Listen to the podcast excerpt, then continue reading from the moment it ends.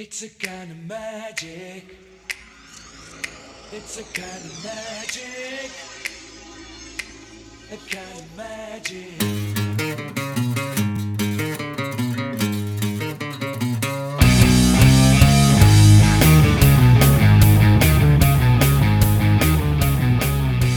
Hej og velkommen til Supersnak med Marvel Morten og Kim Helt alias Morten Søndergaard. og Kim Skov. Det her er podcastet, hvor to tidligere tegneserieredaktører taler sig tosset om film, tv-serier, bøger og populærkultur, men med en helt særlig kærlighed til tegneserierne, mediet, hvor alt godt opstår. Juhu. Hvor krypton ikke er et grundstof, men en planet, yeah. hvor fortællinger er grimme ællinger, der vokser sig store og bliver Hvad er super snakke om? Lige undskyld, undskyld, Kim. Nu. Lige præcis, Morten. Og hvad er det, vi skal super snakke om i dag?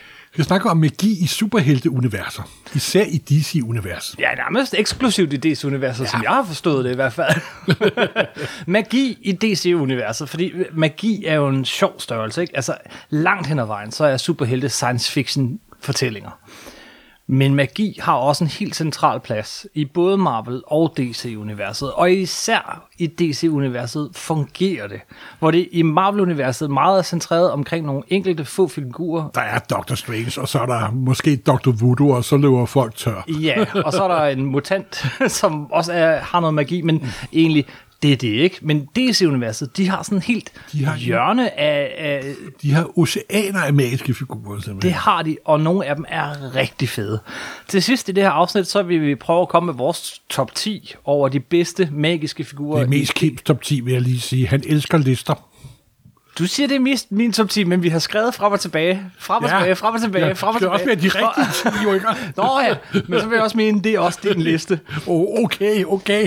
Og en ting, vi var helt sikre på, øh, og helt enige om, det var i hvert fald, hvem var nummer 1, 2 og 3. Ja, simpelthen. Det vender vi tilbage til til sidst i programmet. Men først så lad os snakke sådan lidt mere generelt. Altså, hvornår opstår magi i uh, DC-universet? Jeg ved ikke, hvornår det opstår, men der er en magiker med i Action Comics nummer 1. Ja. Så det er jo, må man sige, at være ret tidligt. Helt fra start. Helt fra start. Og hvorfor er der det? Det er jo nok fordi, at vi skal gå endnu længere tilbage i tiden til 1934. Du vil simpelthen tilbage til uh, Lee Falk, kan jeg Simpelthen, fornemme. og det er jo ikke, en- man kan jo ikke komme udenom, at hvis Men- du var tegneserietegner eller tegneserieforfatter i 1940, hvis du havde et idol, og en, der havde made it, mm-hmm. så var det lige folk, ikke? Han var jo Manden bag Fantomet og uh, øh, Mandrake. Mandrake the Mandrake kom Magician. først, og så kom Fantomet senere. Yes. Mandrake Og- the Magician var jo altså sådan en, vi har lavet et afsnit om Fantomet og Mandrake, men altså den her uh, super fine mand med det øh, tynde, tynde overskæg og en høj uh, hat og, og så en lille kappe. En rigtig magiker. Ja, og overskægget går igen i en meget kendt magiker, og tophatten går igen i en anden kendt magiker. Det er det. Så- og øh, de startede som sagt, det er, at der var en, der hed Santana, øh, Santana, Satara. Satara, der jo er Santanas far. Nemlig. Det kommer vi nærmere, nærmere ind på senere. Nej, der er jo det, når du skal bygge et superhelte-univers, så er der jo sådan visse ting, der skal være. Der skal være en by, og der skal være noget ude for byen, og skal der være et himmel og et, og et helvede, og der skal være alt det, der er til et superhelte-univers. Altså, superhelte-genren er jo en undergenre af science fiction, men samtidig er det jo også en subgenre, der på en eller anden magisk måde indeholder alle andre genrer, simpelthen. Mm-hmm. Du kan jo et historie, hvor Batman søger efter et forsvundet barn nede i kloakken, og en taknemmelig forælder. Dagen efter er han i den anden dimension og kæmper mod magikere. Tredje dag er han nået tilbage til og kæmper mod dinosaurer. Og supergenren indeholder alt det på én gang, og det er det, der er så, så imponerende. Og så er der jo lige specielt det, at DC-universet har excelleret i magiske figurer helt fra, fra starten af. Det var også, at dengang i 30'erne og 40'erne, så var det mere almindeligt inden for populærkultur, at der var historier om, hvad sker der efter, når du dør, i sådan nærmest sådan en løsspilstil. Mm-hmm. Der var meget berømte bogserie, der hed Topper. Der er også blevet op til film med Cary Grant i hovedrollen, for eksempel. Det handler om spøgelser og genfærd og alt muligt. Det var i nærmest sådan en løsspilstil, og alle mulige, og også øh, tegneserier, det var, det var meget mere brugt tilbage i 30'erne og 40'erne. Da Marvel-universet startede i, i 60'erne, der var det meget mere sådan science fiction, der var oppe i tiden med teknologi og så videre. Det er også derfor, at Marvel-universet jo ikke har så meget magi. De har selvfølgelig Doctor Strange, skråstrej, de dit kunne, og det vejer meget tungt i, i som vægtskålen, og han har jo også Mandrake overskægget. Yes. Men øh, tilbage til, øhm, for der kom jo blandt andet et år, par år efter, at øh, Siegel havde skabt Superman. Tænkte han, jeg må skabe en figur, der er endnu stærkere end Superman. Og ham vender vi tilbage til. Og så skabte han jo Spectrum blandt andet, og ja. få måneder senere i samme nummer, det er noget, der hedder More, More Fun, der dukkede en figur op, der hed Dr. Fate. Yes. Og øh, øh, den, første, den første Green Lantern, den første Green Lantern, hans øh, kræfter var også magisk Ja, baseret. han havde den magiske laterne. Så det var først øh, ved sådan en genintroduktion af de her helte i 60'erne, at det hele blev sådan lidt mere science fiction ledet. Øh, at man skulle have en videnskabelig forklaring, en pseudo-videnskabelig forklaring øh, på alting. Øhm, hvorfor er det, tror du, at, at, at, det- at, at DC bare er så bedre, meget bedre til magi? Ja, for det første har de jo mange flere figurer også at vælge imellem. Mm. Og så ved jeg ikke, hvad det er. Det må jeg ærligt om. Altså, det, det her... Det har altid været noget, hvor faktisk DC-universet fungerede meget bedre end Marvel-universet. Lige præcis på det punkt, de har endda en Justice League Dark. Ja, Der, og det er jo tit sådan en magisk historie, der går over i det horror-agtige simpelthen. Mm. mange af deres bedste magiske figurer kommer ud af den der horror-ting. Ja, og, men hvad der lige præcis er årsagen, det må jeg indrømme, det kan jeg ikke lige sætte fingeren på. Udover at de, mange af deres figurer stammer helt tilbage fra 30'erne og 40'erne, fra 40'erne og, og det var der, hvor det var mere oppe i tiden. Mm-hmm. Men altså, historiske tilfældigheder, Jamen, det kan være noget af forklaringen ligger i de her figurer. Øh, og, og skal vi prøve bare at hoppe ud i sådan en top 10 liste?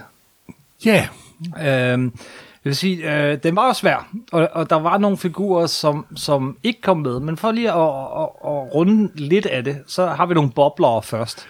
Og dem har vi med, øh, Boblere. for lige at sådan, øh, jamen også bare for at sådan tegne billede af, øh, hvor magisk DC-universet egentlig er. Man kan også sige, at det er jo en af Supermans svagheder, ikke? Det er jo ikke kun kryptonit, der det er hans også magi. Magi, det kan han heller ikke øh, klare.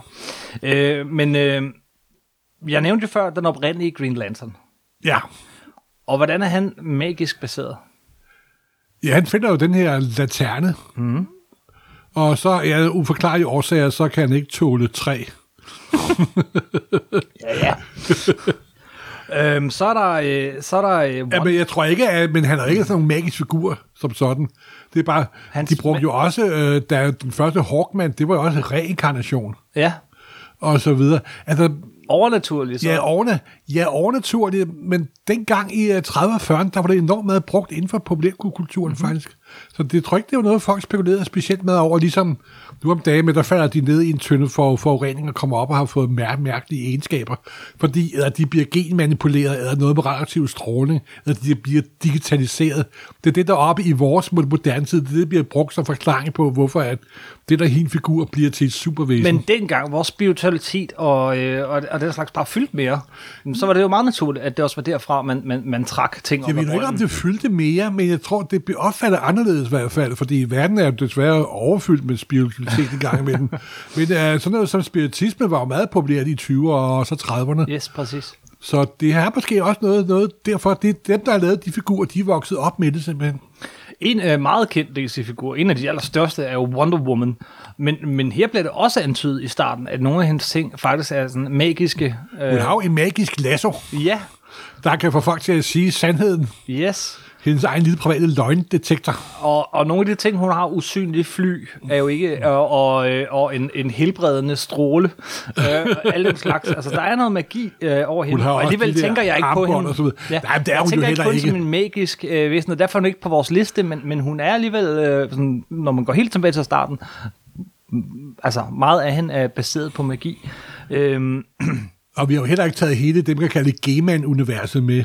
Nej, jeg synes Sandman-universet er sådan Er helt så uden for- specifikt en forfatter nærmest, ikke Ja, også? det er nærmest uden for kategori, ikke? Ja, Så det er vi heller ikke med. Vi har heller ikke øh, Marvel-familien. Altså øh, Shazam og Black Adam. det er jo ikke, det er her. de har, de har hugget jo. Det er nogen, der har hugget, de men altså, hugget. simpelthen. hans kræfter kommer jo, bliver jo givet af en troldmand. Jamen, jamen det, er, det er helt tydeligt oppe i tiden. Du går ned i en mørk tunnel som en lille st- stakkels barn og kommer ud som en magisk superhelt, fordi der er en troldmand nede, Mhm. mm. nede, nede, nede i mørket. Det er jo fuldstændig logisk. Der er også en figur, som var lige ved at komme på listen, og det er jo en, den skurk, men en af dine yndlingsskurke, Felix Faust. Jamen, det er mere på grund af navnet. Okay, hvem er- er han noget af en middelmodig Yes. øh, tro, troldmand, faktisk. Men han er jo en af de andre, jeg tror, han var med i Justice League of America nummer 10. Mm. Så jeg har læst det, læst det på dansk, og jeg synes, det er Felix Faust. Det er et fedt navn, hvad kan han? Jamen, han er bare en troldmand, der vil være udødelig, og han er vist ret inkompetent, så vidt jeg ved. han, er, han prøver hele tiden på at sælge sin sjæl, og så vil han tilbage igen, og så hver gang han får solgt sin sjæl, så bliver den sådan mere og mere med, medtaget.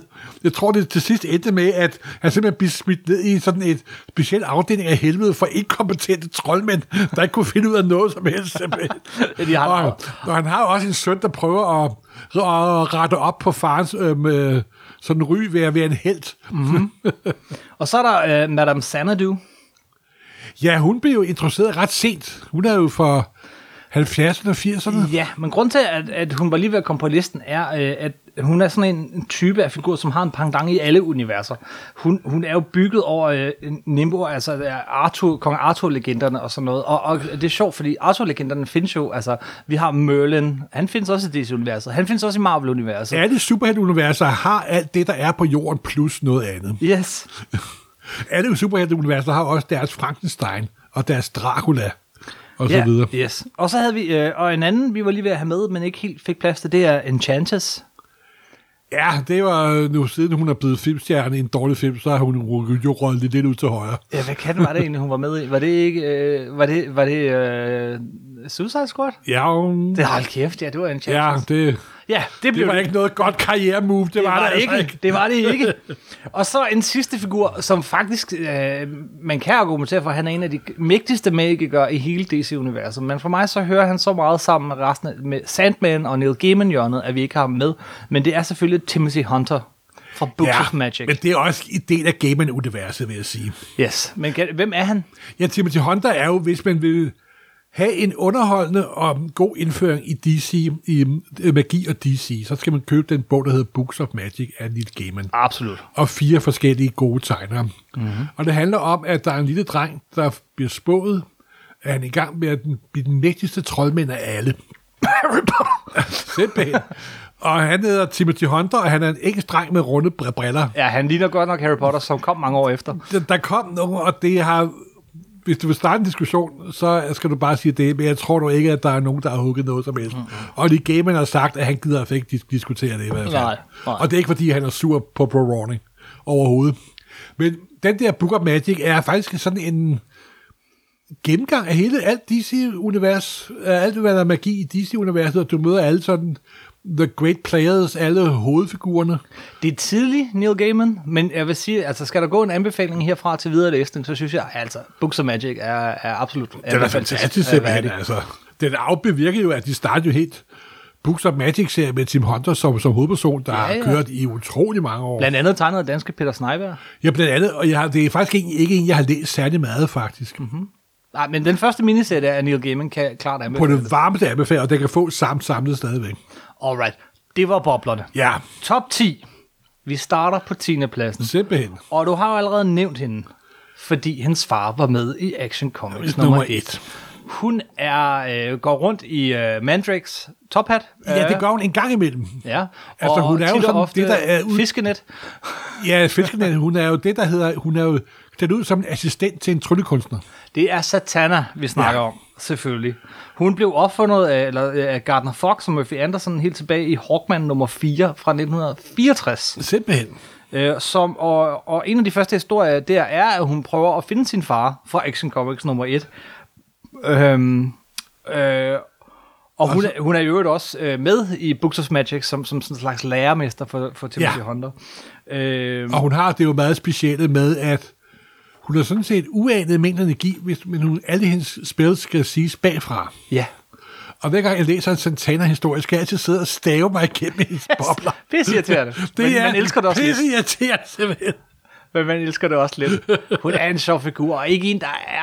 Altså, det er jo ikke, fordi hun nogensinde er blevet brugt sådan super dybden, men, men hun er bare... Når jeg tænker magi og DC, så tænker jeg Satana, som er Ja, det men, første. og hun er jo, altså, der kræver en vis øh, selvtillid for at optræde i chatek, netstrømper og, og, og høje hat, ikke? Jo. Hun er, jeg har dog også ved at have haft andre dragter gennem årene, Jeg kan huske, i 90'erne, der blev sådan en punket udgave simpelthen. Ja, ja. Og jeg tror, i den helt nye, i år, da 52, var der, der fik hun også en ny dragt. Men nu er hun jo medlem af den nye uh, Justice League Dark, så... Mm. Hun spillede en nøglerolle i Identity Crisis, den her uh, event af Brad Det gjorde Meltzer da nogle også, ja. Ja. Det er hende, der uh, simpelthen fjernede Dr. Lights hukommelse, efter han Hun var med til at-. Og, øh, og det viste sig så, at det var bestemt ikke første gang, hun havde fjernet folks hukommelse. Nej, nej. Ja. Det Men øh, hun, dukker, hun er sådan en, der altid dukker op, og altid vil dukke op. Øh, og derfor er, er sådan kendetegnende for DC-universet. Når vi Men, siger men, men jeg tænker på, at jeg kan ikke komme i tanke om sådan nogen super... banebrydende god serie med hende, altså. Nej. Og nummer 9 på listen har slet ikke sin egen serie. Til gengæld er han en af de mest interessante figurer i hele DC-universet af Okay. en bestemt grund. Vi snakker om Psycho Pirate. Ah! Som jo, altså prøv en gang at beskrive hans kostume. Ja, han ligner et spillekort. Ja, Simpelthen, han har sådan en, en knægt.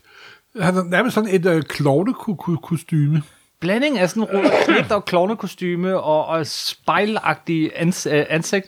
Øh, han øh, er en gammel figur egentlig, helt tilbage fra All Star Comics øh, 23 af Gardner Fox, før jeg nævnte Gardner Fox. Garner Fox har lavet enormt mange af de her Yes. figurer. Han var den oprindelige hovedforfatter på DC i 40'erne med hele Justice Society of America, og var også aktiv helt, helt op i 60'erne. Ja, han er en slags øh, øh, psykisk vampyr. Ja, og han kan, ind, han kan manipulere folks følelser og Dræne deres følelser. dræne deres følelser. Hans kræfter er jo sådan lidt udefineret en gang imellem, og så har han den der underlige maske, der er magisk mm. faktisk. Men det, der gør ham så fantastisk en figur, det er, at han kan noget, som næsten ingen andre DC-figurer kan. Han er den eneste figur, der kan huske, hvad der skete før Crisis. Han kan nemlig huske det oprindelige DC-univers. Ja, netop. alle de forskellige crises, og Ja. han er forbandet af det. Ja. Crisis on Infinite Earth slutter jo med, at øh, Han sidder i sin, i sin gummicelle. i, i sådan en, hvad hedder sådan en straight jacket, øh, øh, og, og bare er blevet vanvittig, fordi han kan huske alt det, der er sket, og alle andre har glemt det. Ja, Graham Morrison har øh, hævet ham frem i Animal Man, i en fantastisk historie, hvor der også bliver refereret til, til alt det der pre-crisis noget. ja, det er meget sjovt. Det er jo faktisk det, der gør ham til en mest, som du selv siger, til en interessant figur simpelthen. Ja, Og han bliver brugt for øjeblikket i det der Batman-run øh, er Tom, Tom King. Gør han det? Ja, faktisk. Og der er jeg ikke noget til. Jo jo. Nå gud, undskyld. Ja, ja. Spoiler. Han, han spillede også en større ting i Blackest Night, den her Green Lantern ting, hvor han bliver sådan en, en Black Green Lantern. Men han er altid en figur, der bliver manipuleret af andre større og Altid. stærkere figurer. Han bliver altid, han er lidt ligesom, øh, hvad, hvad- hvad hedder det, øh, jamen han, han bliver altid manipuleret og udnyttet, og han er en sjov figur. Øh, og jeg, jeg elsker, når han dukker op. Og det er jo sjovt, en figur, der kan manipulere andres folks følelser, men altid er meget manipulerbar. Ja, ja.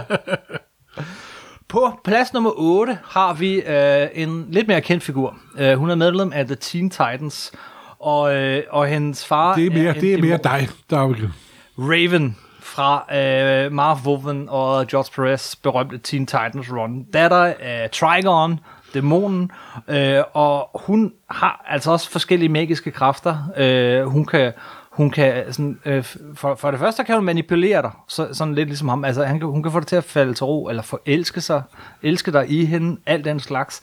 Hun kan også teleportere sig selv og andre, og så kan hun øh, ligesom øh, tage væk i sit astrallæme, men kun i 5 minutter ad gangen. øh, og hun er jo en af de mæ- mægtigere magikere i DC-universet. Altså, vi er jo inde på et problem, der er, at når du introducerer magi i en historie, Ja, hvor går grænserne? så er det som at introducere en flok lopper simpelthen, ikke også? Fordi du kan ikke, det er svært at definere det, og der er jo det der med, at de altid får nye kræfter, når der kommer et interessant plot twist, som man siger, ikke også? Mm. Og for øvrigt, så kan jeg da også lige astral projicere mig selv hen og tage nøglen, eller Jamen, det er et eller andet, og det skal man passe på med. Yes, yes. Det er en af de ting, øh, jeg vil sige, øh, som, som øh, Marvel faktisk blev ret god til her på det sidste med, med, med Bendis. Altså man ligesom fik defineret de her, afgrænset nogle af de her øh, magiske kræfter. Nå, men på plads nummer syv har vi en figur, vi lavede et helt afsnit om for lang, lang tid siden. En af vores første. Øh, og det er en figur, der hedder Boston Brand. Han er Ah, cirkusartist. Deadman. Det er Deadman. Uha. Skabt af Arnold Drake og Carmine Infantino oprindeligt. Øh, Og næste nummer tog Neil Adams over. og det er derfor, vi husker ham. Ja, det er det vel. Helt kort fortalt, hvem er Deadman? Deadman er jo en cirkusartist, der bliver snimyrdet under sin, sin, sin, sin optræden, og så sker der så tit, som der sker i den slags situationer, at hans ånd ikke kan falde til ro. Mm. Dømt til at vandre på jorden, så at sige. En genganger, et gespenst, et spøgelse. Ja. Og han har den egenskab, at han kan røre ved folk, og kan overtage deres krop og manipulere dem. Og det er jo sådan en besættelse nærmest. Faktisk, Ja, han besætter folk. Han besætter folk, ja. Ja. Og, og det er igen det der med, at der er sådan en supernatural, overnaturlig enhed, der skaber figuren. Og det er sådan set uden at komme ind på sådan en, for hvilken religiøsitet det stammer, og så videre, så videre. Det er bare sådan en del af superhelte-universet. Yes. Og så er der jo det med Buster Brand, at man troede jo i lang tid, at det var mand med kroget, der havde snigmyrdet ham. Ja, men der er det... Men det var vist en gud, der havde manipuleret ham for, at han skulle bruge ham simpelthen. Det fedeste og, og det største problem ved, ved øh, Deadman er, at det her øh, run, øh, som, som øh, Neil Adams lavede, det var så skilsættende, så godt, og det var et langt sådan, øh, øh, mormysterium, hvem slog ham ihjel, øh, at der aldrig rigtig er kommet i gang i figuren siden. Altså det er hele tiden en tilbagevenden til den oprindelige historie, som er i sandhed en klassiker. De prøvede øh. på et tidspunkt at lave Deadman om til en decideret horror-serie. Jamen, de har prøvet alt muligt Og med det Deadman. lykkedes ikke, og En af de bedre, øh, altså de bruger, han er bedst, han fungerer som bifigur, han dukker op, han er også med i Justice League Dark, som du nævnte før. Han blev brugt, synes jeg, øh, øh, måske bedst i øh, siden dengang i, øh, i hvad hed den der Brightest Day miniserie, hvor han, øh, han er ligesom den, der kan vække døde til live igen, når han får Nå, sin ja, Green Lantern ja, ja. Men ellers, ellers er han en figur, der, der ligesom står i skyggen af et oprindeligt virkelig godt run. jo, men, men så er en der også figur, nogle som- figurer, som der er, fungerer skide godt som bifigurer, men ikke så meget selv. Ligesom, Jeg kan huske, elskede, når han dukkede op i det danske Superman-blad og sådan noget. Og der er jo virkelig mange fede historiemuligheder i ham, men, men øh, ja. Hans drivkraft forsvandt ligesom, da de fandt ud af, hvem der var hans morter. ja, På plads nummer 6 allerede okay. har vi en, øh, en figur, der dukker op helt tilbage i 1944 i en historie af Jerry Siegel. Uh, han er en, uh, en imp, hvad hedder det på dansk? En dværg fra den femte Ikke, ikke en dimension. dværg, det er en uh, trold eller en nisse. Ja, ja, en nisse. En nisse. Fra, en nisse fra den femte dimension. Ja, mister. Mixelplik. Du kan Mixelplex. Jeg kan sige Mr. Mixelplik. Um, Og jeg kan stave Mixelplik, fordi det har jeg lært af. Supergruppe. Og han er jo den kendte drillepind fra mm-hmm. den femte dimension. Jeg ved ikke, om det bliver forklaret, at han har magiske kræfter med det samme. Det gør det vel nok. Det gør det, fordi det er jo en af Ja, Supermans svagheder netop. af magi, og det er derfor, han ikke kan stille så meget op Ja. over for ham. Og det eneste, han skal ud på, det er, at han skal få til at sige sit navn bagfra. Ja. Men jeg har aldrig set en historie, hvor Mr. Mistelpix møder Santana. Det kunne faktisk være mægtig sjovt. Det kunne være sjovt. Men der er virkelig mange herlige Superman-historier, hvor, øh, hvor øh, Superman Altså- op mod den her øh, underlige nisse, som, og som øh, den bare underlige nisse er jo faktisk en meget vigtig bekendt del i den ultimative Superman-historie med Alan Moore. Ja. Whatever happened to the man of tomorrow. sandt. Hvor det viser sig, at han ikke er nogen særlig rar nisse, men en ond dæmon. Han bliver også brugt øh, det er sådan rimelig godt, synes jeg, i, øh, i, i uh, Superman, øh, øh, af den Jørgens lige kort inden øh, Bendis tog over. Øh, og så øh, kom jeg i tanke om, du snakkede om Emperor Joker, da vi snakker om de bedste Joker-historier. ja, Øh, og der kom jeg bare lige, den kom jeg til at tænke på, fordi at øh, Jokeren, han får jo de her superkræfter, fordi han stjæler dem fra Mr. Mixelplik. det har du da ret i. Det havde jeg da helt glemt. Så Jokeren kan genskabe Jeg jorden kan, huske, eget jeg, og du, jeg kan også huske, der var en sjov Superman-historie. Mhm. Mm-hmm. Superman beslutter, at nu vil han skulle lave rettidig omhu. Så han rejser til Mr. Mixels dimension og generer ham. Der er nogle herlige historier. Jeg gætter på, den er fra 50'erne. Ja, det gør jeg også. Det har du fuldkommen ret i. På femtepladsen har vi en Jack Kirby-skabning. Yeah. Yes. Ham har vi faktisk også lavet et helt afsnit om en gang, for meget lang tid siden. Ah. Han er også en super interessant figur, som Ja. er fa- så, hvor modsat nogle af de andre, er det virkelig lykkedes at bruge ham igen senere. Især er han god at have i periferien, men han er en figur, som fylder meget af det universet, og det er Etrigan, the Actigan Demon. the Demon. Og han er jo... Ja, han er dæmon, der er hedkaldt af Merlin. Mm. Der kan Der man var nok han fat, igen. Merlin. hvad man kan se i Demon nummer 1 af Yes. Jack Kirby. Og side 2 og 3 er en af Jack Kirbys flotteste dobbeltspladssider af Absolut. alle tid. Camelots fald for fuld købe-energi. Jeg kan simpelthen se det fra mit indre simpelthen. Yes. Og så har det Demon også en stor, meget øh, interessant ting. Han tæller altid i vers. Ja, han taler altid vers. Øh, han, øh, altså, det er jo egentlig, han er jo også, øh, egentlig er det Jason Blood, som Jamen, det, er jo blevet, en, det er jo en øh, bunde, der bliver overtaget af dæmonen. Yes, Og, og så gjort derfor- udødelig, og har den inde i sin krop. Mm. Og- rise, rise. Og, og det var en serie, som Jack Kirby han lavede, da han blev, altså da, det, da hans Fourth World ikke klarede sig godt nok, så, så uh, måtte han lukke den, og så starte uh, The Demon op. Det er meget sjovt, du siger det, fordi jeg har set nogle tidlige skitser mm. for The Demon, hvor den faktisk bliver omtalt som en Force World-serie. Nå, Hvorfor må Gud vide, men det kom ikke frem, da den var færdig. Men du var ret, det er sådan Kirby's anden bølge for, for DC. Og det er nok en af de mere vellykkede, synes jeg ja, det er faktisk. det. I hvert fald de første otte hæfter eller sådan noget. Ja, de er helt fantastiske simpelthen. Men han er også sådan en, der bare er dukket op i rigtig mange... Altså, ja, der er jo mange, der elsker den her figur. Øh, Matt Wagner skrev i 87 en lille miniserie med Etrigan, The Demon, hvor han virkelig rimer. Og øh, jeg kan da også huske, øh, der er sådan en scene i Sandman, hvor han dukker op, og, og, og han kommer ned i, i helvede der, og så en af de der øh, øverste i helvede kigger på mig så, Nå, du er sådan en rimer nu? Som i, nu er han steget i graderne. Ja, ja. øh, og Alan Moore bruger ham i Swamp Thing. Nå, gud, ja, ja, det var Nej, det er da en af de bedste kapitler, Morten. Ja, ja, ja, men det er så mange år siden, jeg har læst for. Han dukker også op i Kevin Smiths uh, Green Arrow, som jo faktisk er, er ret godt, synes jeg, og Garth Ennis' Hitman, og ikke mindst i Jim Starlins uh, Cosmic Odyssey. Uh, han er sådan en, der bare bliver ved med at dukke op. Han fik også sin egen serie, da DC rebootede for nogle år Ja, siden. og jeg tror ikke, han kan holde sin egen serie. Han er ligesom lidt som The Dead Dead Man. Ja, det, det, Han fungerer rigtig godt som en bi- bifigur, ikke? det er rigtigt nok, men har du læst Demon Knights af Paul Cornell? Ej, det har jeg ikke. Det har jeg ikke. Det må jeg Den er faktisk ret underholdende. Okay. Den, den, det var en af de første serier, der sådan gik ind, men øh, jeg tror, at det er lidt Jamen, jeg svært har at lave altid haft noget. det siden af Kirby, så har jeg altid set på de andre Demon-serier som, Ja. ah, det er jo ikke Kirby, vel altså, men, Men det er så fedt, den her figur, sådan, sådan en gul dæmon med sådan en Kirby-anatomi, øh, som rimer. ja, og vi ved jo godt, hvorfra figuren stammer jo. Hvor stammer figuren fra? Fra Prins Valiant. Yes. Hvis du har derhjemme Prins Valiant album nummer 1, hvad nok mange af vores lyttere har, tager du ned fra hylden og bladrer igennem, og så den scene, hvor Prins Valiant, han tager en gås og, og flår den, og bruger på. Ja. og, og fødderne bliver til ørerne, og så svinger han sig hen, svinger han sig rundt i halen for at skræmme øh, det der borg, som han prøver på at gøre, gøre et eller andet ved. Jeg kan faktisk ikke engang huske, huske historien. Men det er faktisk Hans Foster, der har designet The Demon. yes. På fjerdepladsen har vi øh, en af de mest succesfulde sidefigurer nogensinde. John, John Constantine, a.k.a. Ah!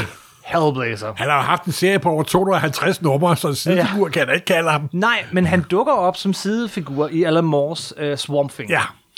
Øh, tegnet af Steve Bissett.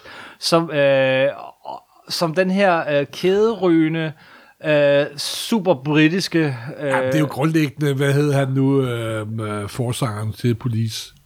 øh, ja, Sting? Det er jo Sting.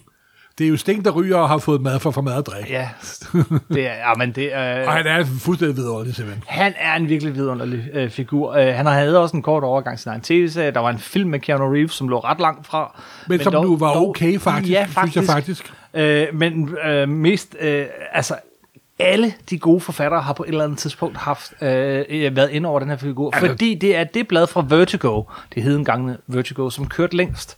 Hvad sagde du, 200 eller andet Over nummer? 250 numre. Over 250 numre. Og jeg kan da bare lige sådan liste, altså Garth Ennis, Ed Campbell, Paul Jenkins, Warren Ellis, Grant Morrison, Neil Gaiman, Brian Azzarello, Mike Carey, Andy Richard Dickel, Corbin. Richard Corbin, Dave McKean, Peter Milligan.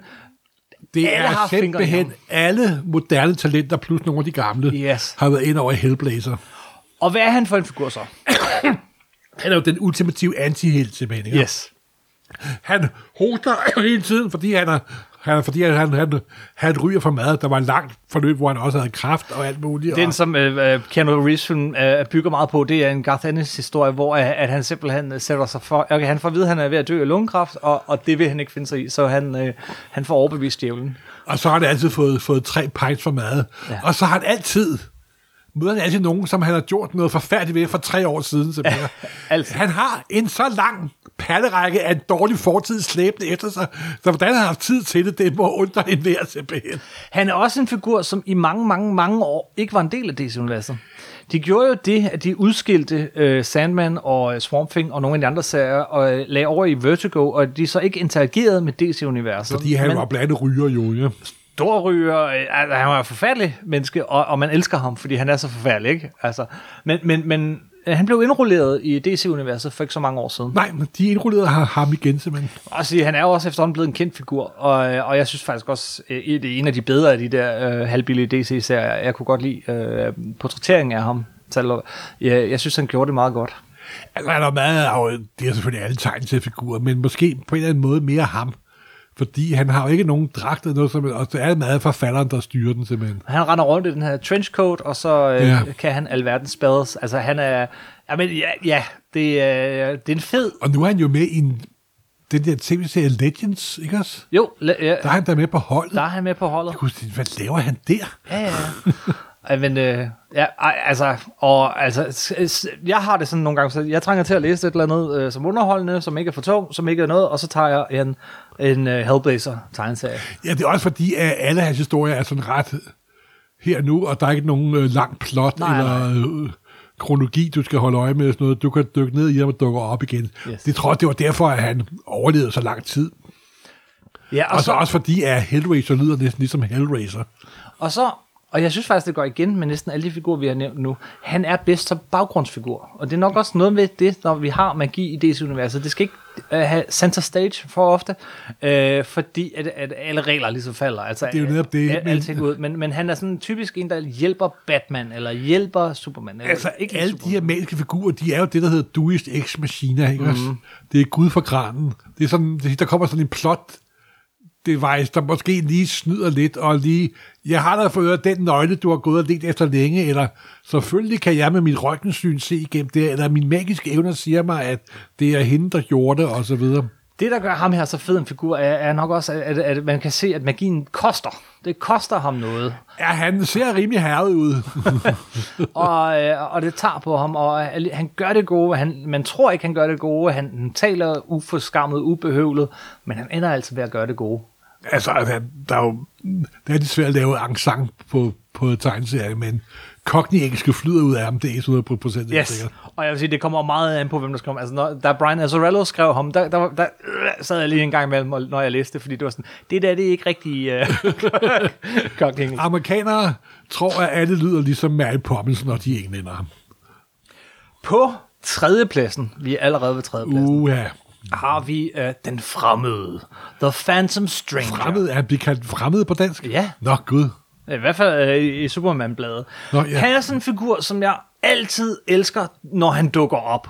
Han har også haft sin egen serie, den tror jeg ikke engang, vi behøver at snakke om, fordi så god har de ikke været, men han er en figur fra øh, 52 af, af Carmine Infantino øh, og, og John Broom, og, øh, og han er, men han, han er jo sådan en, han, ja, hvordan, der er også igen lidt, øh, man kan godt se nogle, nogle spor af, af, af Mandrake i ham.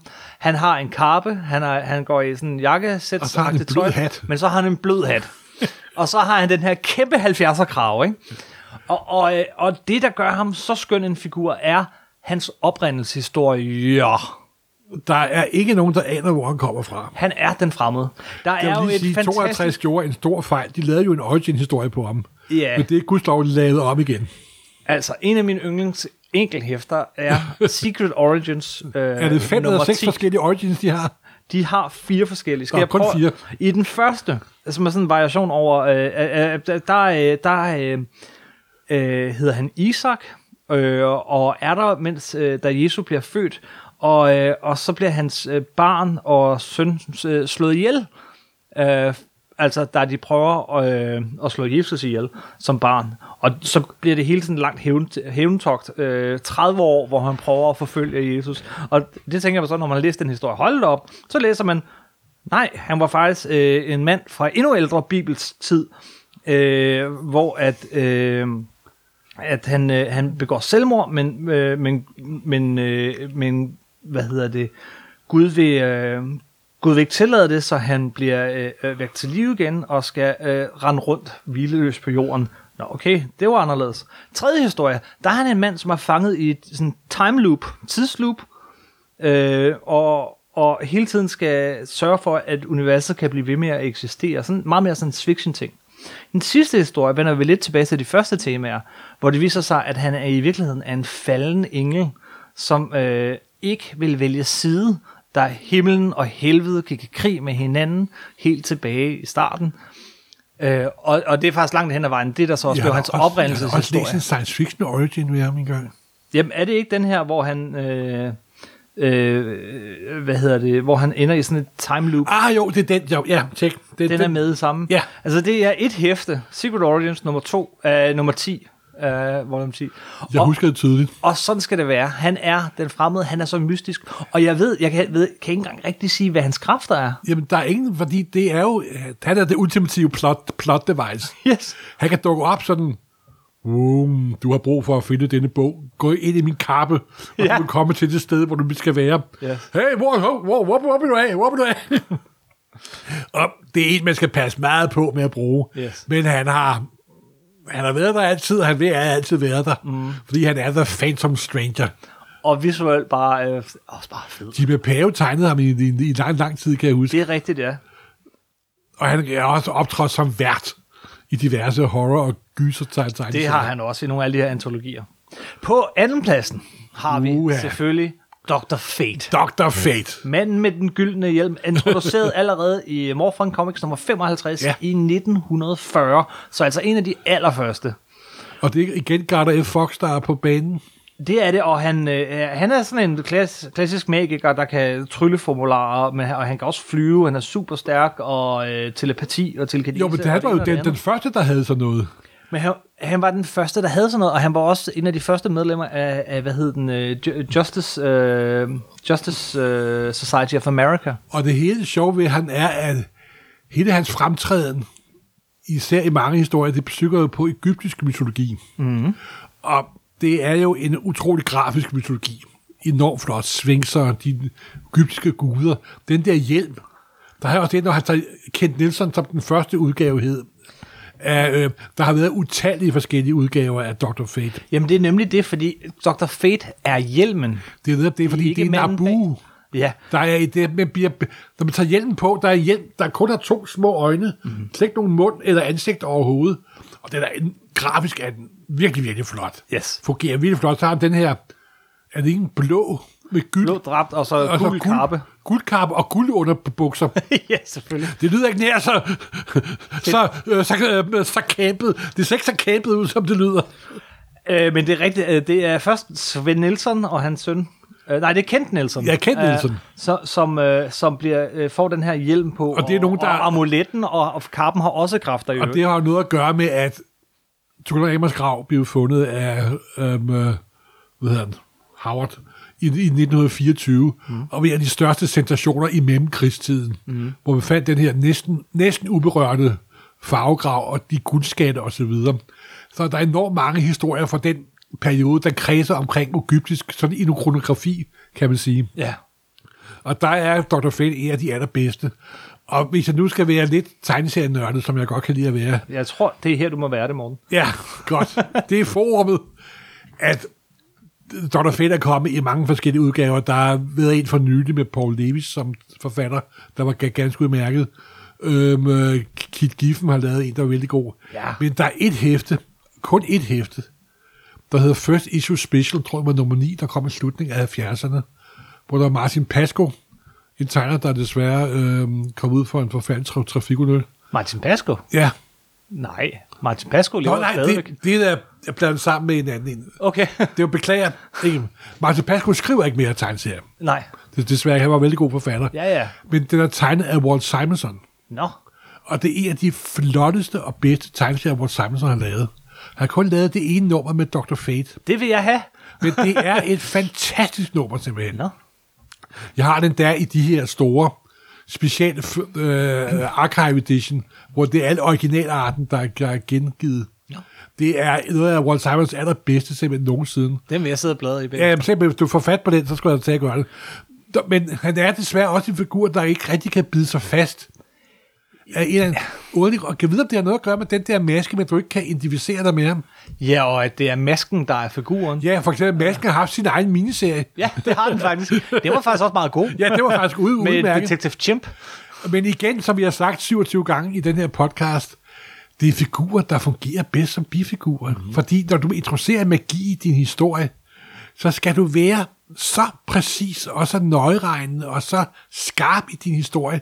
For det er, en- det er nemt, det skal bruges som en lille dråbe, som et meget stærk, stærk krød, krød, krydderi simpelthen. Mm-hmm. Pas på med magi, du. Det er farligt.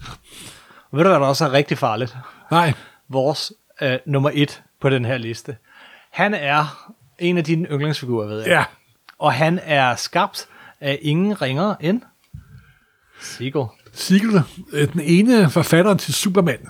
Simpelthen. De har nok tænkt, "Øh, nu har vi lavet Superman, verdens mægtigste mand. Hvad skal vi gøre nu? Vi laver en, der er endnu mægtigere. og det må man sige. Og det skete faktisk tre øh, måneder før Dr. Fate. Ja, Han dukker op i Morfond nummer 52. hvem er The Spectre? Og Spectre er en hårdslående politibetjent, der hedder Jim Corrigan. Ja. Og det er jo mm, måske nogle læsere ved Grine lidt over det. smartest kid on earth, men det er slet ikke de to ting, der intet med hinanden at gøre. Og han er jo sådan rigtig tough guy. Han har verdens bedste origin-historie. Simpelthen, han dør. Han dør hårdt. ja, Han bliver øh, øh, fanget eller øh, overfaldet af nogle gangstertyper, og så kommet ind i en tønde, øh, lukket med tønde, cement. fyldt med cement. Han er stadig levende, og så helt i havnen. ja, simpelthen. Død. Og så sker der jo det, som der er i de her historier. Mm. Der kommer lyset, ja. for det er jo Gud, eller en enhed, eller et eller andet. Og så siger du er du kan ikke komme, du kan ikke komme til himlen, du kan ikke komme til helvede. Du er dømt til at vandre imellem disse to verdener. Yes. Og du kan bide dig spektre, og du får overnaturlige kræfter, du kan gøre alt. Og så er Spektre jo også sådan en figur, der nærmest er det, der hedder wish fulfillment.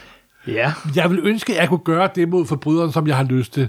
Og han er benhård mod forbryderne. Han er benhård. Han blev kun med tiden op igennem 60'erne, 70'erne, 90'erne endnu mere benhård. Nej, han er meget benhård i starten. Så øh, i det første, det første run i 40'erne, mm. der øh, de bliver forvandlet til stenstøtter, han saver dem i stykker, de bliver halveret, de bliver til skeletter, Det er også der- der er de sådan en- forsvinder. barnlig, øh, barnlig tilgang til det. Ja, wish fulfillment er meget rigtigt, fordi det er bare sådan, så kan han gøre det, og så kan han gøre det, og så kan han gøre det. Og, altså, Jo, men det er også sådan, det der hævnmotiv, ikke også? Mm. Det er jo ikke noget at gøre med, at forbrydere, den moderne opfattelse af forbrydere, og den korrekte opfattelse af forbrydere, at det er nogle stakkels mennesker, der skal have social hjælp, ikke? De skal bare er det, de skal udslettes med det samme. Det er Punisher gang 10, simpelthen, ikke? Og det er også meget den opfattelse af forbrydere, der var tilbage i, i så 40'erne, ikke? ja.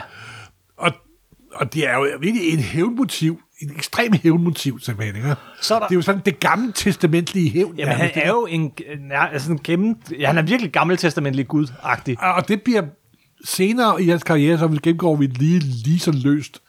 Det bliver et motiv senere, fordi så dukker han jo op igen i 60'erne. Yes, hvor Gardner Fox og Ja. Murphy Anderson kaster sig ja. over figuren. Og det er, hvor der er de nærmest gjort ham til sådan en... Det er stadig Kim, øh, Jim, Jim Corrigan, og han, han har ikke haft, kunne ikke have været Spectre i 10 år. Pludselig dukker han op igen. Men, men, men nu bliver hans kræfter jo nærmest sådan omnipotente. Nej, det kan variere lidt fra historien, for nogle gange så er han også, han har en masse svagheder. Mm-hmm. Og nogle gange er han mere sådan en slags psyche øh, investigator-type. Og, øh, og så kommer der jo meget sjovt, så får han, øh, du var først op det, der hedder Showcase. Og så kommer der 10 numre, og nogle af de numre, og nu kommer det, det jeg vil ind på, og hvorfor figuren IT betyder så meget for mig. Nogle af de numre var skrevet og tegnet af Neil Adams. Yes. Og to af tre af de numre kom i det danske Batman. Okay. Og hvorfor de er blevet puttet ind, det fatter jeg ikke, fordi det er nogle af de mest udsyrede, mærkelige historier simpelthen. En af historierne er, hvor man ser sådan to besynderlige protoplasmiske væsener, der kæmper ude i det evige rum. Jeg synes, du har nævnt det før. Og en ja, gang. det er virkelig godt, og de støder sammen, og sådan en energikugle, der rammer en forbryder, der så får magiske kræfter, der så kommer op og slås med en figur, der hedder Wildcat, sådan en boksertype, der kører rundt på motorcykel. Ja. Så dukker Spectre op halvvejs ind i historien for at genopleve øh, Wildcat. Og så kæmper han mod den her tyv, der også er magisk og laver sig om til en atombombe, og hans essens bliver smidt ud mod tid og rum. De er fuldstændig vanvittige, de historier, simpelthen. Ikke? Og du elskede det. Og jeg, jeg kan huske, da jeg læste den første gang på dansk der, tænkte, what the, hvad fanden foregår der med den? Jeg var helt vild med figuren simpelthen. Og så bor han inde i Jim Corrigan. Det er det, som, der er spektre. Og så er han sådan hans, øhm, hans sådan vært, mm-hmm. hvor Jim Corrigan nær er en skal. Ja. Men, øh, men til gengæld, så var han ikke nær så hævdgærig over for forbrydere. I den her periode. Ja, den her periode.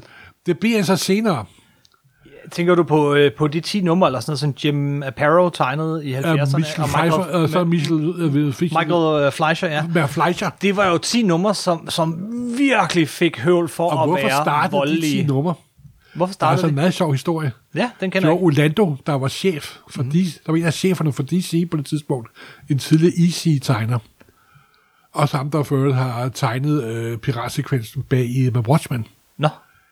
Han bliver overfaldet på gaden. Sådan en rigtig mocking. Ja. Og det bliver han selvfølgelig sur over. Så sagde han, som hævn vil jeg bringe Spektra tilbage. og så sagde han til øh, øh, Jim Aparo og, og Fleischer der, Fleischer, kan I ikke bringe tilbage, og så gå tilbage til de gamle Golden Age-historier. Lidt ligesom Neil Adams og Danny O'Neill gik tilbage til de gamle Batman-historier, da de genskabte Batman der mm. i øh, slutningen af 60'erne, altså slutningen af starten af, af, af 70'erne. Og Spektra i de der 10 numre af Jim Aparo, den er super blodig, og han, han forvandler en skurk til træ og kører ham gennem et savværk, og, og i en flyvemaskine, der tror skurken, han er undsluppet, dukker han ud, sådan, som røg ud af pipen, og forvandler ham til et skelet. Så, så efter lyset kommer op, så ligger der bare sådan et skelet øh, midt inde i flyet, og det er super hævn hele tiden. Og simpelthen. meget opfindsomt. Og det sjove er, at det foregår åbenbart i en verden, hvor Superman ikke eksisterer. Fordi der er en journalist i den serie, der hedder Clark Kent. Og så er verden, Åh, er du så Superman? Ha, ha, ha. Så det må åbenbart foregå i et Parallel univers. univers, hvor øh, Superman er en tegneseriefigur. Earth Prime, hvis man er gammel de, DC-læser. Og det var lige et tåbeligt side, sidespring. Men det var faktisk en meget sjov lille, hvor den gamle hævne Mandrake øh, slog Spectre vendte tilbage. Mm. Så gik der nogle år, og så kom den Spectre-serie, som der nok er den allerbedste af dem alle sammen. Du, øh, du tænker selvfølgelig på øh, Ostranders ST fra 90'erne. Ja, med, hvor Tom Mandrake var, var tegner. Og han sagde, hvorfor kan man ikke lave en længere vej Spectra-historie? Mm.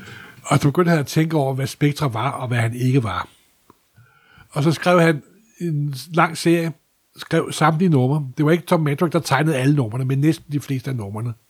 På 62 numre, hvor det handlede om, at han, Spectra var jo blevet sat på jorden til at hævne alt ondskab.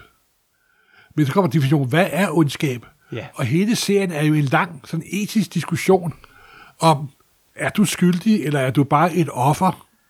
Og det, lykkes ham at strække den ud. En fantastisk historie, simpelthen. Ikke? øh, fyldt med meget rigtig spændende dilemmaer om det der med, med hævn, og øh, jeg kan huske, der er sådan en historie med, med en, en, en morder, som, som altså på sin 190 eller sådan noget er ved at dø, og først der dukker han op og Ja. ja. hævner det mor, hun begik. Simpelthen. Og det er så rigtigt, det er sådan etiske dilemmaer hele tiden, hvor han også, og så definerer han også øh, Spektras kræfter på en meget sjov måde.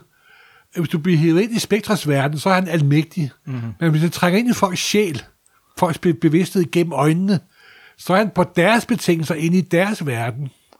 Og så indfører han det, som de senere har brugt i alle andre udgaver af Spektra.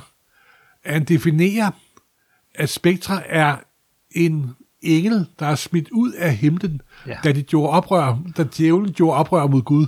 Det lyder lidt som en anden historie, vi lige var inde på, ja. Ja, jamen, Øh, øh, det er jo, og han er jo, kører med den der kristne ikonografi mm-hmm. simpelthen, ikke også? og han, øh, jamen, han er jo Guds Vrede simpelthen. Ja. Den gamle, han er den wrath Gud, of God. Wrath, øh, der kan, hedder det wrath eller wrath? Det kommer an på, om du er amerikansk eller britisk. Nå, okay. Men han er den Gud, der udslettede selv Sodoma og Gomorra simpelthen, ikke yes. også? Han er den Gud. Og, han- og, der er, og der er Spektra den personificerede udgave af den. Og der skal altid være et menneskeligt, øh, et menneskeligt vært til at, om, til at styre figuren. Til at samle kraftfiguren. Og det er Jim Corrigan og og senere nogle andre, som vi lige kan komme ind på om lidt, men hans kræfter bliver jo så store. Han bliver jo også, øh, altså, han, han, han slås mod Anti-Monitor, kan- og han er... Jamen, det, var- det, det, vigtig skete del- før den her serie. Det skete i, uh, cri- i Det skete, Crisis. ja, så så mægtig var han, ikke? Jo, men han dukkede jo også op i, i, øh, i 60'erne, da Garner Fox. Mm. Øh, mange af de her Crisis-historier, der var i 60'erne med, med John Ja, der dukker han og også Malcolm. op. Der dukker han tit og ofte op. Også lidt som en plot device, faktisk. Han, Men, men det er med den, man, Tom Man, øh, den der John Osterson-serie, tegnet af Tom Mandrake, ja, at figuren virkelig faktisk får sin, den form, den har haft siden, vil jeg sige. han, han spiller også en stor rolle i uh, Zero Hour. Og, ja, det er fordi, øh, så stoppede serien efter 62-60 numre.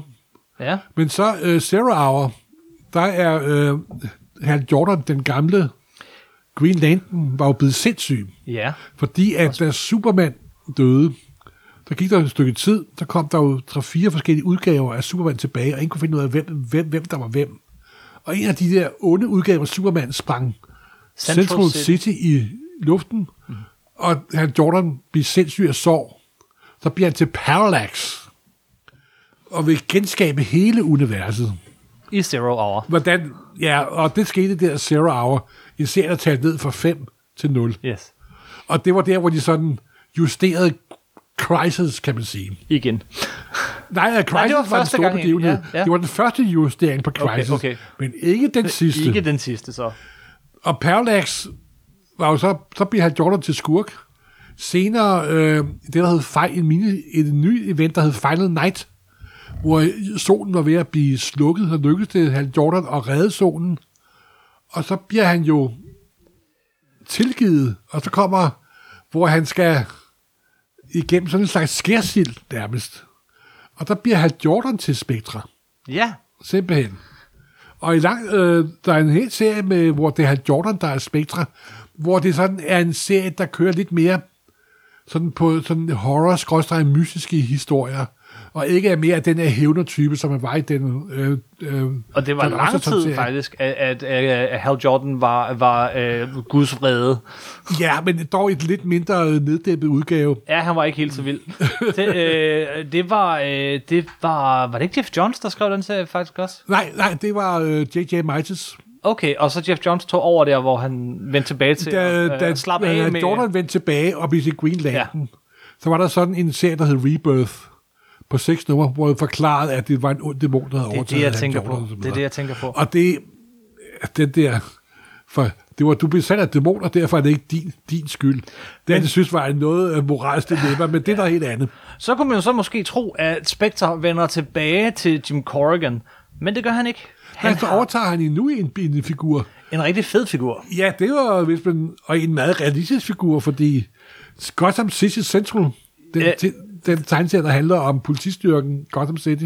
Der er en af figurerne, som hedder Crispus Allen, som bliver slået ihjel, Ja, og øh, af en, øh, øh, bare forvirrende, ikke? han bliver faktisk slået af, ihjel af en korrupt politimand, der, Der hedder tilfældigvis hedder Jim Corrigan, men ikke af den Jim Corrigan.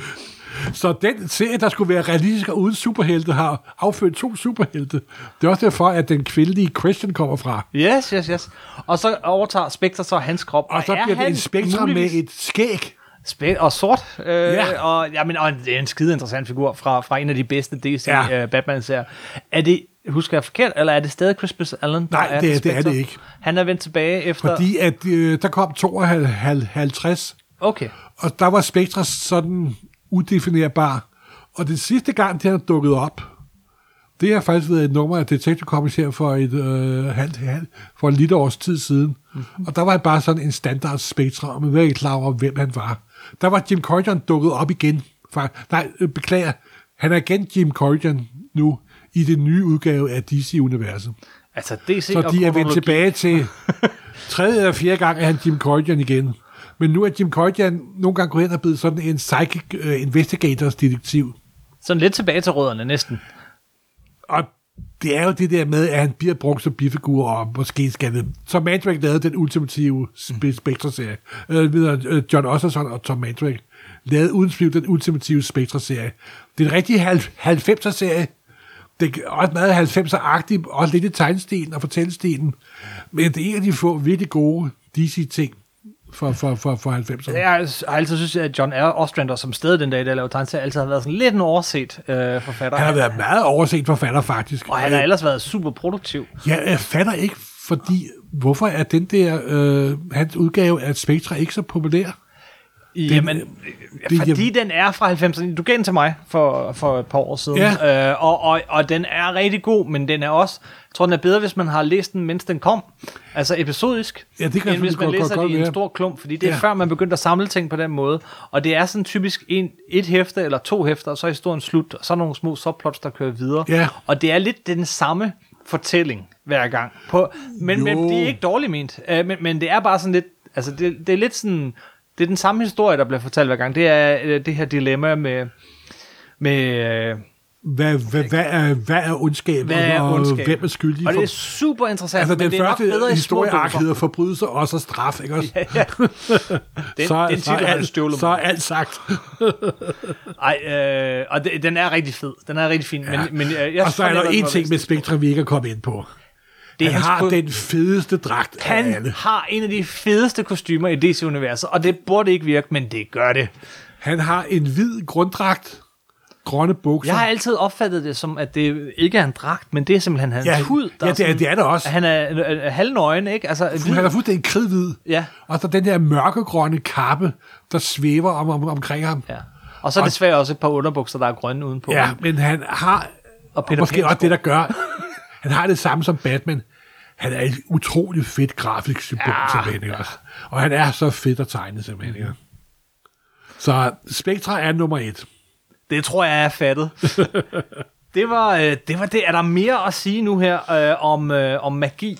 Øh, især DC Nej, det er jo bare, det er, det er en svær størrelse, og man skal passe på at bruge det i historie. Men når det virker, så virker det virkelig godt. Er der nogen øh, sådan særlige historier, du tænker på som noget af det bedste, du har læst øh, af den Ja, her der er jo genre? de der, jeg har nævnt med uh, Tom Osseter og Mandrake-runnet. Ja. hvis man kan finde den der Wallace Simonson af, Do- af Dr. Fate. Og så synes jeg faktisk, at DC laver alle de her tegnefilm. Ja. Så lavede de også en tegnefilm med uh, Justice League Dark, hvor uh, Hellblazer er med, uh, John Constantine, Swamp Thing er med. Der er jo også delvis en magisk figur. Og det var faktisk en af de bedre. Det var, det var faktisk rigtig sjovt. Den har jeg ikke set. Hvad med tegneserien Justice League Dark? Og den læser jeg også i gang med, men den er faktisk ok. Ja, den har aldrig været helt deroppe at ringe for mig. Øh, det er lidt, men, men Nej, men jeg, jeg, har, altså, jeg har en underlig forkærlighed til de der underlige DC magiske figurer. Det har jeg også. Jeg er ret begejstret for, øh, jeg har nævnt nogle gange, uh, Injustice Gods Among Us, uh, baseret på computerspil. Der er tredje Uh, jeg del, venter stadig på at få den samlede udgave. den tredje del af, af den uh, er der en rigtig fin historie. Og Ellers så elsker jeg jo bare, når, når John Constantine dukker op, eller The Stranger dukker op. Sådan, hvad, hvad, hvad er problemet? Ja.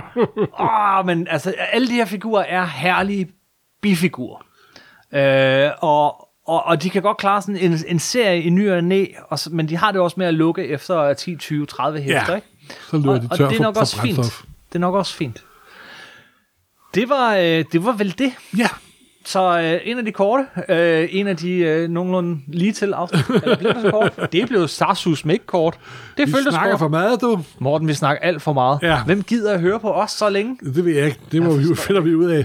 Hvis du gider at høre på os, og hvis du har idéer til fremtidige afsnit, så øh, skriv til os ind på facebook.com supersnak podcast ud i et. Du kan også sende os en e-mail, det er supersnakpodcast gmail.com.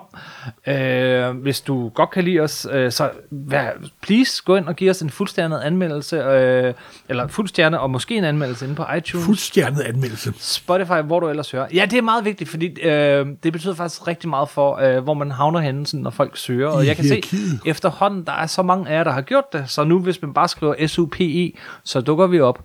Så, Uha. så det er dejligt. Ellers øh, er der jo ikke så meget at sige, andet end øh, vi finder på et nyt emne næste gang. Yep. Der er Supersnak i hvert fald igen om 14 dages tid. Simpelthen.